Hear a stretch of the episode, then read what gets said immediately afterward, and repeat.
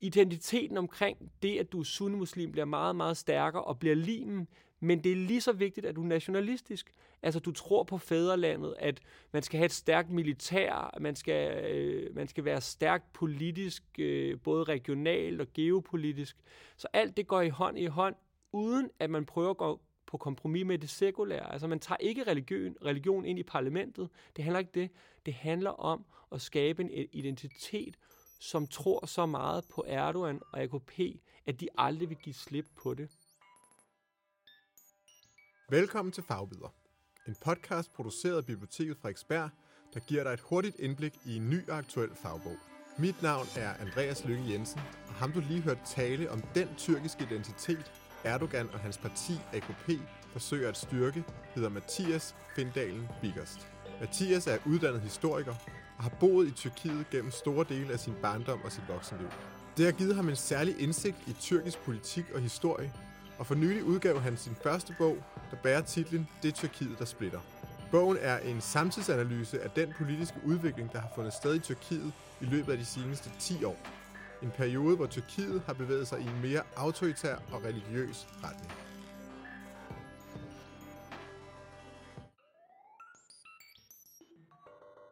Jeg er rigtig interesseret i den sidste 10 års periode i Tyrkiet, men jeg går faktisk lidt tilbage i bogen, faktisk helt 20 år tilbage, hvor at AKP, altså det her øh, regeringsparti, som har været ved magten nu snart i 20 år, kommer til, kommer til magten i Tyrkiet. Og der, øh, der kigger jeg kort på det, fordi det er, det er et spændende tidspunkt, hvor at velfærdssystemet i Tyrkiet virkelig begynder at øh, vinde frem, og AKP med Erdogan i spidsen, altså premierministeren på det tidspunkt, for i gang sat et nyt narrativ, som handler om, at Tyrkiet er et, et, et land med velfærd, og hvor man pludselig ser en bedre infrastruktur, og sygevæsenet bliver stærkere, skolevæsenet bliver stærkere osv. Og jeg synes, den 10-årige periode fra 2001 øh, eller 2002, hvor de kommer til magten til 2011, er rigtig spændende. Men det, der gør det endnu mere spændende, det er, at fra 2011, hvor jeg virkelig dykker ned i den, øh, i, i den periode i den her bog, det er, at der skifter det. Altså, de går fra at være et demokratisk orienteret parti og en demokratisk orienteret regering til at blive meget mere interesseret i autoritære øh, en, en autoritær regeringsførsel. Og det dykker jeg ret meget ned i i bogen, og hvor jeg ligesom så fra 2001 til 2020, hvor jeg skriver bogen færdig, øh, ser nogle forskellige skiftende perioder, hvor det autoritære altså virkelig sådan, tager ekspansiv fart for nærmest hvert år, der går.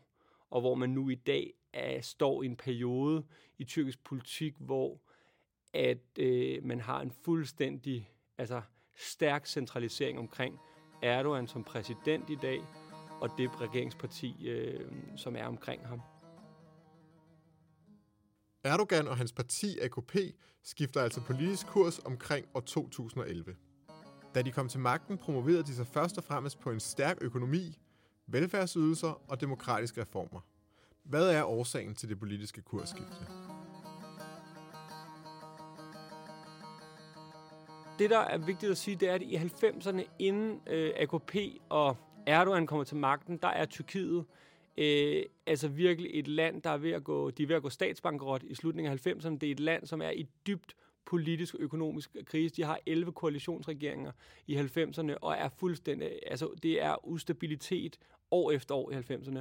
Og der kommer øh, øh, AKP ind med en ny, et nyt politisk narrativ, så selvom de er egentlig religiøst funderet, de har en stærk sunnimuslimsk øh, sådan identitet, så fokuserer de meget på at fremstå som et reformparti, som vil globalisering, som vil demokrati, som vil minoriteter, som vil menneskerettigheder. Øh, og det gør de af den simple grund, at hvis ikke de gjorde det, så vil, de være, så vil der være en stor risiko for, at de vil blive lukket ned af militærkuppet, eller af militær, det tyrkiske militær, fordi der har været så mange militærkup i Tyrkiet. Øh, så hver gang der har været en politisk magt, som har gået lidt imod øh, hvad skal man sige, det sekulære og den stærke tyrkiske republik øh, og hele den ånd omkring det, så er man, har man kunne risikere at blive lukket ned af militæret. Og for at sørge for, at man ikke blev lukket ned af militæret, øh, også selvom man havde en religiøs arv, så valgte man at promovere sig som et reformparti. Og det kunne folk, befolkningen godt lide, fordi de hungrede efter både politisk og økonomisk succes. De hungrede efter øh, bedre velfærd, bedre infrastruktur osv. Og det skabte AKP ret hurtigt, de skabte tydelige og klokkeklare resultater.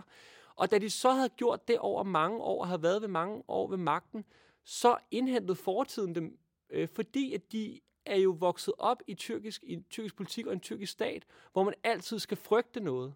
Man frygter, at der er øh, den dybe stat, der prøver at undergrave en. Man frygter, at der er politiske grupper, der prøver at undergrave en. Og det ligger indlejret i den politiske ånd i Tyrkiet, og derfor begyndte AKP, da de havde så stærk en magt, som var mulig, så begyndte de at stramme grebet om magten. De demokratiske og liberale værdier, AKP vægtede højt op igennem nullerne, handlede først og fremmest om politisk strategi og taktik. Og for simpelthen at undgå, at sekulære kemalister fra militæret ville forsøge at udføre et statskup. Nu har Erdogan og AKP igennem ændringer af den tyrkiske forfatning fået strammet deres magt om Tyrkiet, og præsidenten har fået beføjelser, der har forandret Tyrkiet til et autoritært styre. Men en ting er at sikre sig en større politisk magt. En anden ting er, hvad man vil med den. Hvad er Erdogans og AKP's ideologiske projekt? Det er et, et identitetsprojekt.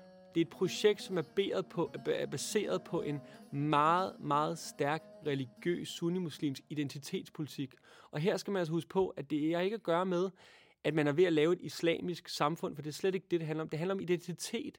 Altså, at man har den politiske legitimitet, og derefter så ændrer man kult, altså at så går man ind i kulturen og ændrer øh, den måde, man agerer på, øh, altså kulturelt, man ændrer identiteten, og pludselig begynder regeringspartiet at lovprise i højere grad, altså konservative værdier, familieværdier, øh, religiøse symboler, flere moskéer, flere religiøse folkeskoler, flere, øh, hvad skal man sige, flere imamer, øh, øh, det religiøse institut inden for minister, eller det religiøse ministerie får mere succes. Altså, identiteten omkring det, at du er sunnimuslim, bliver meget, meget stærkere og bliver limen men det er lige så vigtigt, at du er nationalistisk. Altså, du tror på fædrelandet, at man skal have et stærkt militær, man skal, øh, man skal være stærkt politisk, øh, både regionalt og geopolitisk.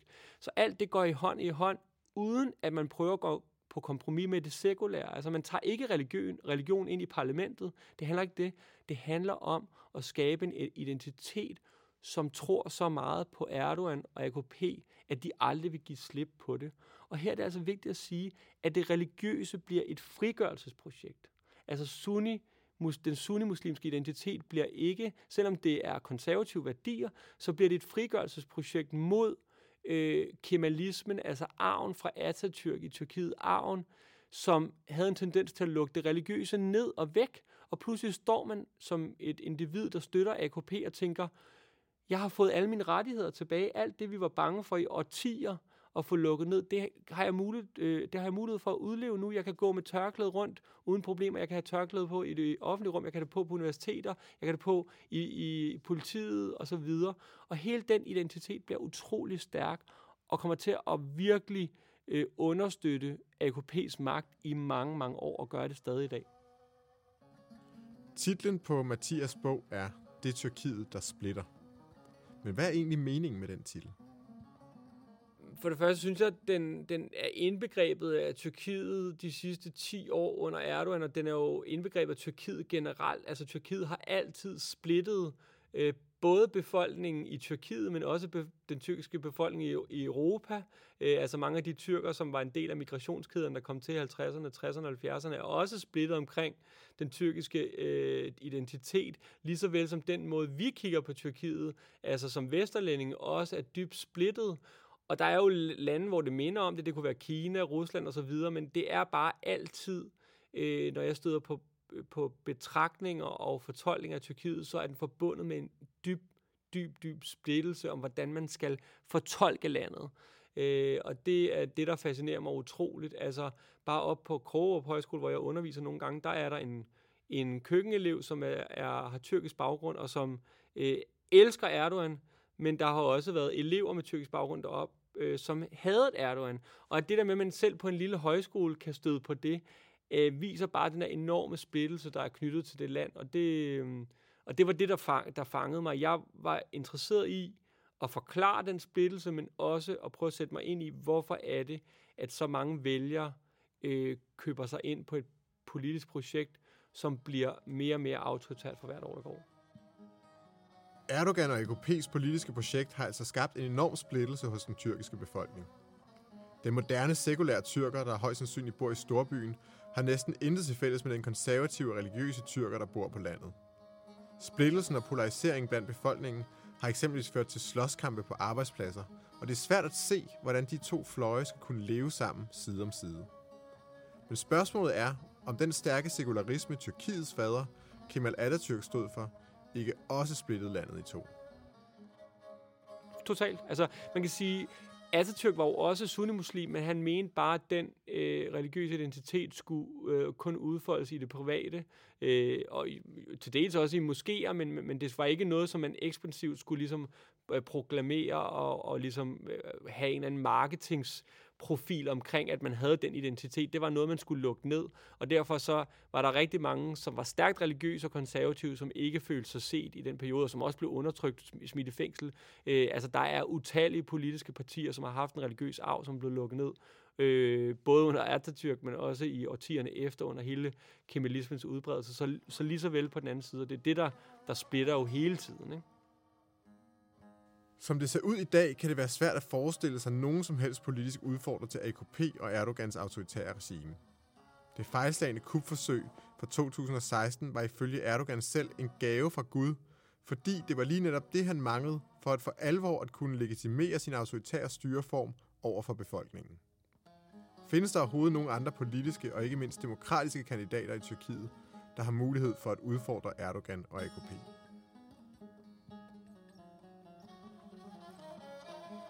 Faktisk er der her for, øh, det var også i 2019, øh, ved lokalvalget øh, i Istanbul, der vandt øh, oppositionens borgmester Ekrem İmamoğlu, han vandt valget øh, over øh, AKP's kandidat, som var i øvrigt øh, er, af deres premierminister. Øh, og det var overraskende. Og det, der var endnu mere overraskende, det var, at øh, da Imam Yolo havde vundet med, med cirka 13.000 stemmer, så fik AKP gennemtrumfet, at man skulle have et omvalg, fordi at man mente, at mange af de valg, øh, øh, hvad skal man sige, sædler, de ikke havde det rigtige stempel. Og det var jo øh, en utrolig dum politisk træk af Erdogan, fordi Erdogan ellers altid øh, har fået de beskyldninger, at han lavet øh, altså snyd med valgene. Og så har han hele tiden sagt, at det har vi ikke gjort, og der er ikke nogen, der kan påvise det. Stol nu på demokratiet. Og da han så endelig tabte, eller da hans parti endelig tabte et lokalvalg, så blev man bange og gjorde det, som befolk, eller som, som oppositionen ellers altid har kritiseret ham for. Og det var virkelig dumt set. Og da man så fik øh, et omvalg tre måneder efter, så tabte man ikke bare med 13.000 stemmer, man tabte altså kandidaten tabte med 800.000 stemmer til Ekrem İmamoğlu. Så det var jo et tydeligt tegn for øh, især selvfølgelig den urbane elite i Istanbul, at det der ville de ikke finde sig i, og at de faktisk brugte øh, demokratiet til at sige fra over for Erdogans metoder. Øh, og det interessante ved hele det, det er, at Ekrem İmamoğlu, som nu er borgmester i Istanbul, han er, det er ikke fordi, han er ideologisk anderledes. Han er jo faktisk en rekonstruktion af Erdogan. Han er øh, hvad skal man sige, øh, den, den, det, det er den, den lille mand i politik, som har formået at kæmpe mod systemet. Øh, og det var det, Erdogan var, da han kom til magten i 2002 med AKP. Han kæmpede imod kemalisterne lige så stille. Og nu er Ekonom İmamoğlu ham, der prøver at bekæmpe AKP's reducering af demokratiske standarder i Tyrkiet. Og det har han fået rigtig stærk mobilisering omkring. Øhm, og det er der noget spændende analyse øh, og kigge på, om hvorvidt han over de næste par år kan blive så stærk en kandidat, at han ved præsidentvalget 2023 bliver præsidentkandidat for oppositionspartiet, og har, vil stå så stærkt, at han faktisk kan true den post. Og der er selvfølgelig alt muligt magtpolitisk, der kommer til at være øh, i spil der, og der Erdogan vil også prøve alt, hvad han kan, ligesom man ser Trump gøre i USA nu, at finde veje ind til at underminere kandidaten og så videre, og måske også under, underminere det hele det politiske system, så man kan blive ved magten. Det bliver rigtig spændende at lægge mærke til, men faktisk for første gang i tyrkisk politik under AKP er der en spændende øh, oppositionskandidat at, at kigge på. Du har lyttet til Fagbyder, en podcast om ny og aktuel faglitteratur, produceret af Biblioteket Frederiksberg. Hvis du har fået lyst til at læse Mathias Findalens bog, det Tyrkiet, der splitter, så er den udkommet på Hans Rejsens forlag. Mit navn er Andreas Lykke Jensen. Tak fordi du lyttede med, og på genhør.